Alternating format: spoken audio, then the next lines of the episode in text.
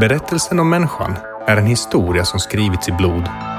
I podcasten Vår blodiga historia guidar jag, Dino Helmerfalk, dig genom historiens våldsamma, makabra och tragiska händelser. Du kommer få besöka platser och bekanta dig med personer vars berättelse chockerar, skrämmer och fascinerar. Känsliga lyssnare varnas.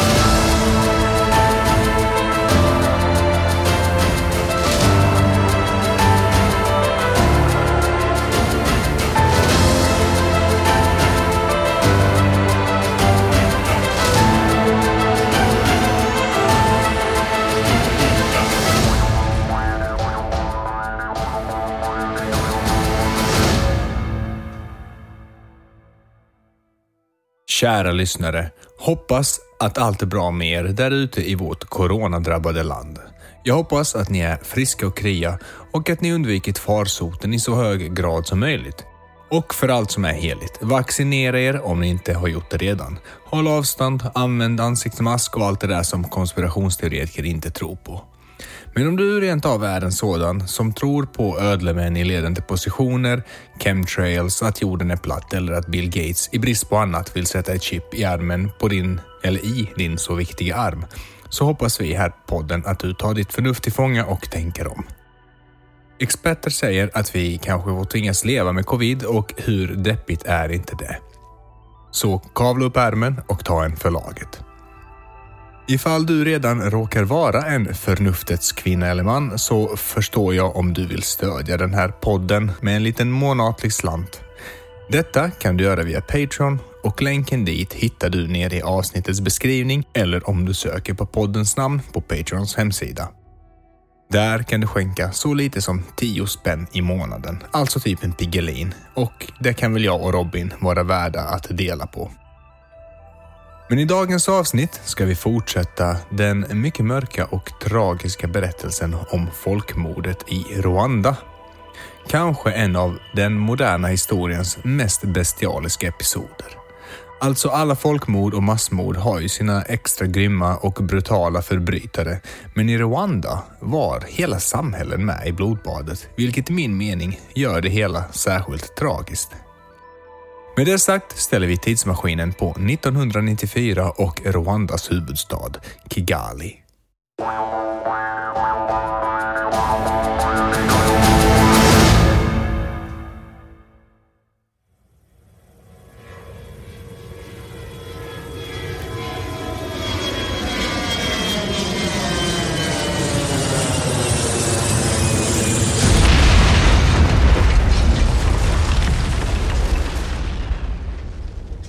Det är den 6 april och Rwandas president Juvenal Habyarimana är död.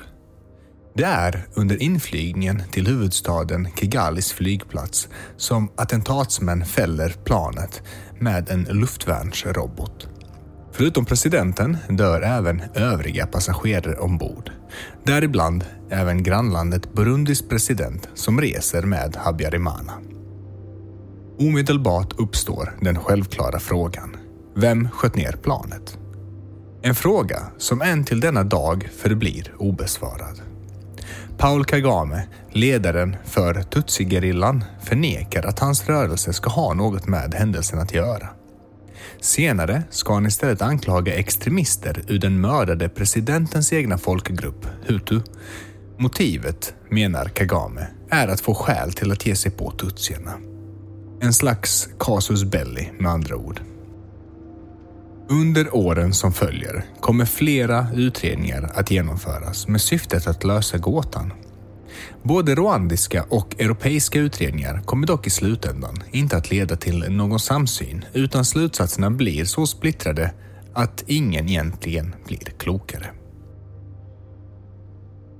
Direkt efter mordet samlas personer ur Rwandas regering och upprättar en slags kommitté som ska leda landet under den kris man nu befinner sig i. Kommittén är egentligen en maktkupp då den i praktiken blir landets nya regering och i den ingår några av hutu-extremisterna från den radikala Akazo-gruppen.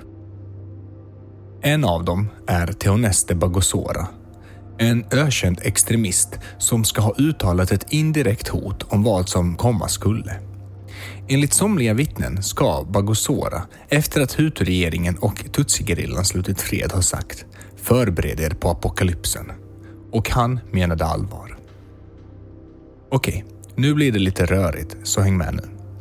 Enligt rwandisk lag ska landets premiärminister träda in som president ifall denne inte kan utföra sitt ämbete.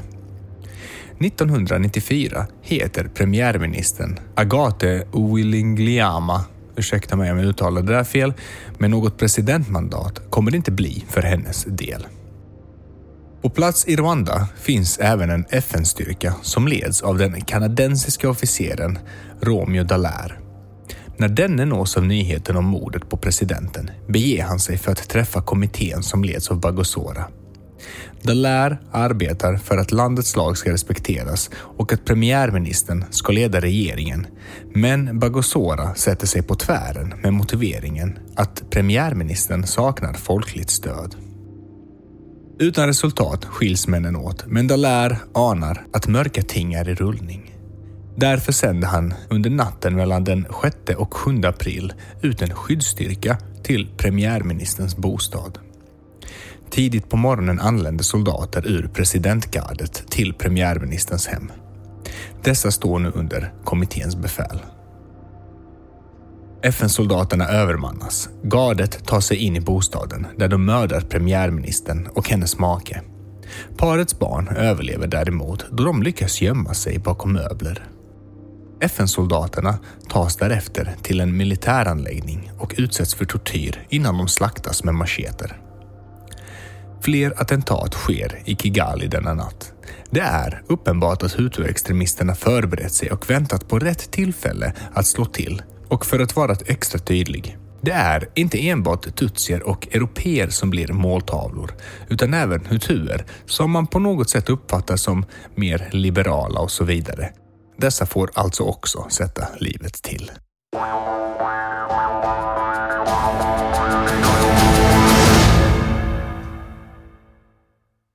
Den 7 april inleds folkmordet på ett bredare plan och det är via Akazu-gruppens radiokanal som avhumaniseringen och hatpropagandan mot tutsier når de breda folklagren. Tutsierna, menar man, är kackerlackor som måste utrotas.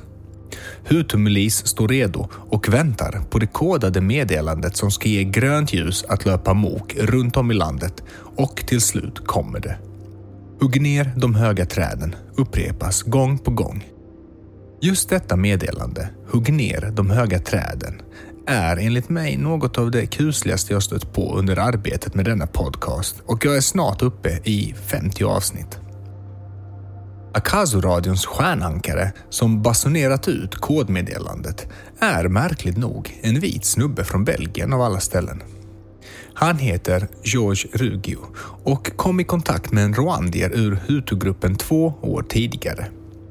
Snart började han resa till landet och lyckades hamna i samma kretsar som president Habyarimana där han även kom i kontakt med extremisterna. Den lättpåverkade Rugio har framställts som en svag individ som föll offer för manipulativa och radikala hutuer som gav honom jobb på radion utan att han hade vare sig erfarenhet eller någon journalistisk utbildning. Kort efter att Rugio påbörjat sin nya tjänst började han även uppvigla mot tutsier. År 2000 dömdes han till fängelse i 12 år och är därmed den enda icke-rwandien som blivit dömd för sin roll kring det som ägt rum. Han släpptes dock redan 2009. Men det tar inte lång tid innan kropparna efter mördade tutsier och hutuer börjar staplas längs huvudstadens gator där hutumilisen dragit fram. Nyheten om mördandet sprider sig dock snabbt och omvärlden blir varse om vad som håller på att ske, men man avvaktar och observerar. Man vill inte ha en ny incident som den i Somalias huvudstad Mogadishu året innan, där en amerikansk helikopter sköts ner och som kom att kosta 19 amerikaner livet. Däremot börjar närvarande amerikansk och europeisk trupp att evakuera egna landsmän för att själva därefter dra sig ur farans väg. För de tutsier som blir kvar i landet är utsikten om räddning därmed borta. Romeo Dallaire, befälhavaren som försökte förmå Bagosora och kommittén att lämna över ledningen av regeringen till premiärministern, blir dock kvar i landet tillsammans med en mindre styrka. Och han är faktiskt en av de enda som utifrån försöker stoppa det som sker. Under de tre månader som nu följer kommer Rwanda att förvandlas till vad som kan kallas världens värsta plats. Folkmordet i Rwanda skiljer sig på flera sätt från andra folkmord. Det genomförs av grannar, forna vänner, arbetare och bönder, även av familjemedlemmar. Alltså vanligt folk. Mördandet är i sig otroligt brutalt och närgånget. Offren slås ihjäl, huvudsakligen med jordbruksredskap på gator och torg. Vittnen har i efterhand talat om att det även förekom mord i vissa familjer där tutsier och hutuer gift sig. Snart sprider sig mördandet utanför huvudstaden Kigali och ut på landsbygden där hutu-milis upprättar vägspärrar. Förbipasserande kontrolleras och de vars identitetshandlingar säger tutsi förs ut ur fordonet bort till vägkanten där några machetehugg och ett dike väntar. Akazo-gruppens radiokanal driver ständigt på bödlarna och det finns en del inspelningar bevarade på internet för den som vill höra om hur det kunde låta. När jag gjorde research till detta program fick jag intrycket av att media och mördarna på gator och torg på något sätt eldade på varandra. Ju intensivare och mer långtgående mördandet blev, desto mer pådrivande blev radion som piskar upp stämningarna ytterligare. Om det funnits en ond cirkel någonstans så har vi den här. Guds tjänare på jorden, alltså präster och nunnor, dras även de med i frenesin. Många av dem är själva extremister och underrättar milisgrupperna när tutsier anländer till kyrkan för att söka skydd. En sådan plats är kyrkan i Ntarmara som ligger cirka en timmes bilfärd söder om Kigali. Idag är platsen minnesmärke, men 1994 blev 5000 människor offer här. De hade tagit sin tillflykt till anläggningen varefter Hutu-milis anlände. Offren mördades med granater, skjutvapen och såklart macheter. En del blev ihjälbrända. Ett annat vanligt inslag i folkmordet är sexuellt våld. Detta riktas i huvudsak mot kvinnor ur tutsigruppen, men även en del Hutu-kvinnor blev offer. För att ytterligare förnedra och öka offrens lidande släpper ledarna för folkmordet ut hiv-positiva och aidssjuka patienter som man organiserar i enheter med syftet att våldta och sprida smittan. Det har även förekommit vittnesmål om könsstympning samt att män utsatts för kastrering. Uppskattningsvis våldtogs ungefär 500 000 kvinnor under tiden för folkmordet.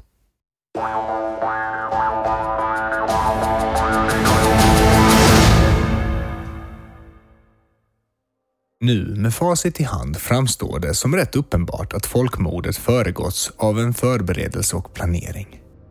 Extremisterna hade en egen propagandakanal via radio och kunde på så sätt kommunicera snabbt med den egna sidan. Man hade importerat ändamålsenliga verktyg och organiserat milisgrupper. Också det där med att hugga ner de höga träden. Allt detta är avgörande omständigheter för att en händelse ska kunna betraktas som ett folkmord, vilket i sin tur leder till extraordinära juridiska följder. Men vi är inte riktigt klara med händelserna ännu. För medan hutuer mördar sina landsmän påbörjar tutsirebellerna under Paul Kagame en förnyad offensiv. Detta efter att han hotat med våld ifall mördandet inte upphör.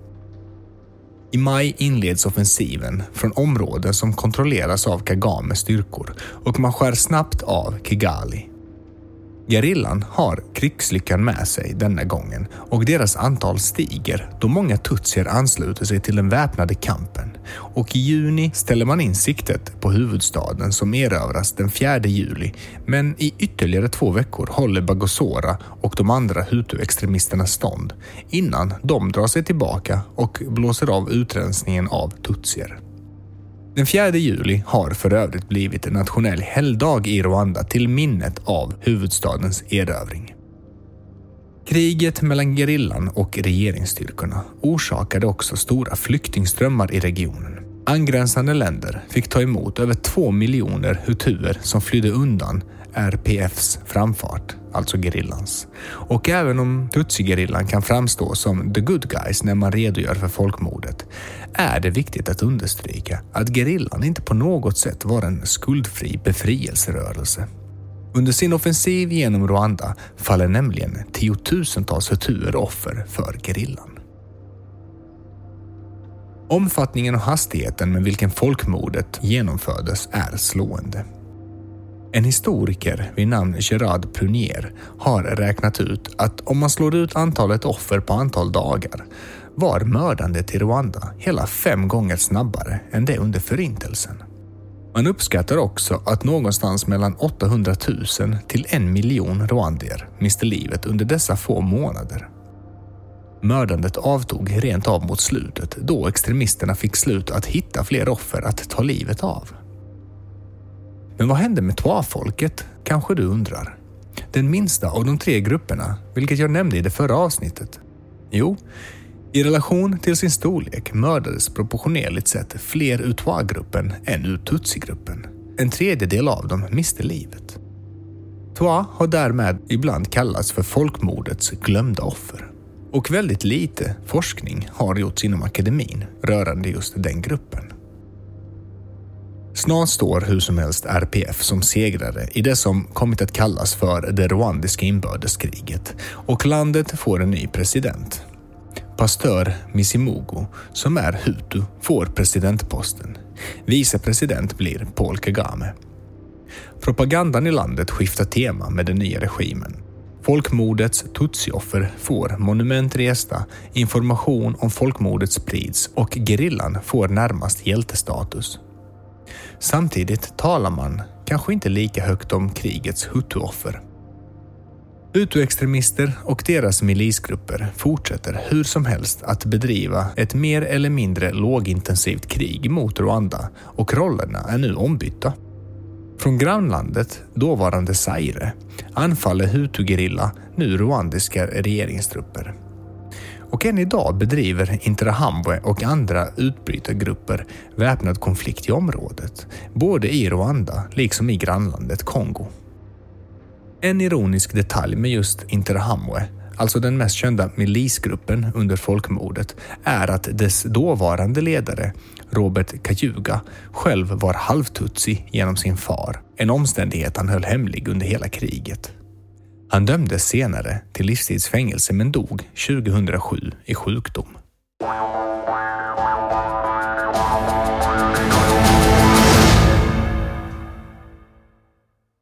Processerna mot de ansvariga för folkmordet pågick länge. Från att tribunalen slog upp portarna 1994 skulle det dröja hela 21 år, alltså till 2015, innan de återigen stängdes. 96 åtalade ställdes inför rätta och 61 kom i slutändan att dömas. En del är fortfarande på flykt och efterlysta. Den mest kända av de dömda är mannen som ibland kallas för folkmordets arkitekt, Teoneste Bagosora. Han dömdes till livstid men fick sin dom tidsbegränsad till 35 år.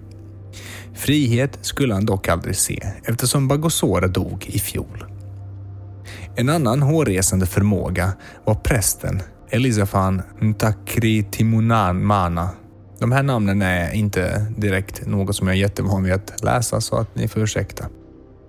Han dömdes hur som helst till tio års fängelse då han bidragit till mördandet genom att köra milisgrupper till ställen där han visste att tutsier hade gömt sig. Och så har vi den forna ministern Pauline Nyamarizuko som uppmanat milis att våldta sina offer. Vidrigt nog var hon minister för landets familjevälfärdsområde och kvinnors framsteg i Rwanda. Jag har sagt det innan och jag säger det igen. Rwanda var sannolikt under senvåren och sommaren 1994 den värsta platsen på jorden.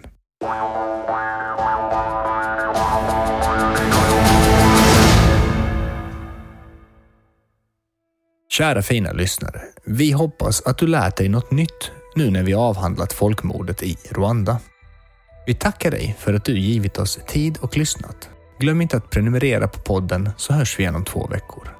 Tills dess, ta hand om er ute och ha det riktigt bra. Vi som gör denna podcast heter Robin Freid och Dino Helmerfalk. Hej då!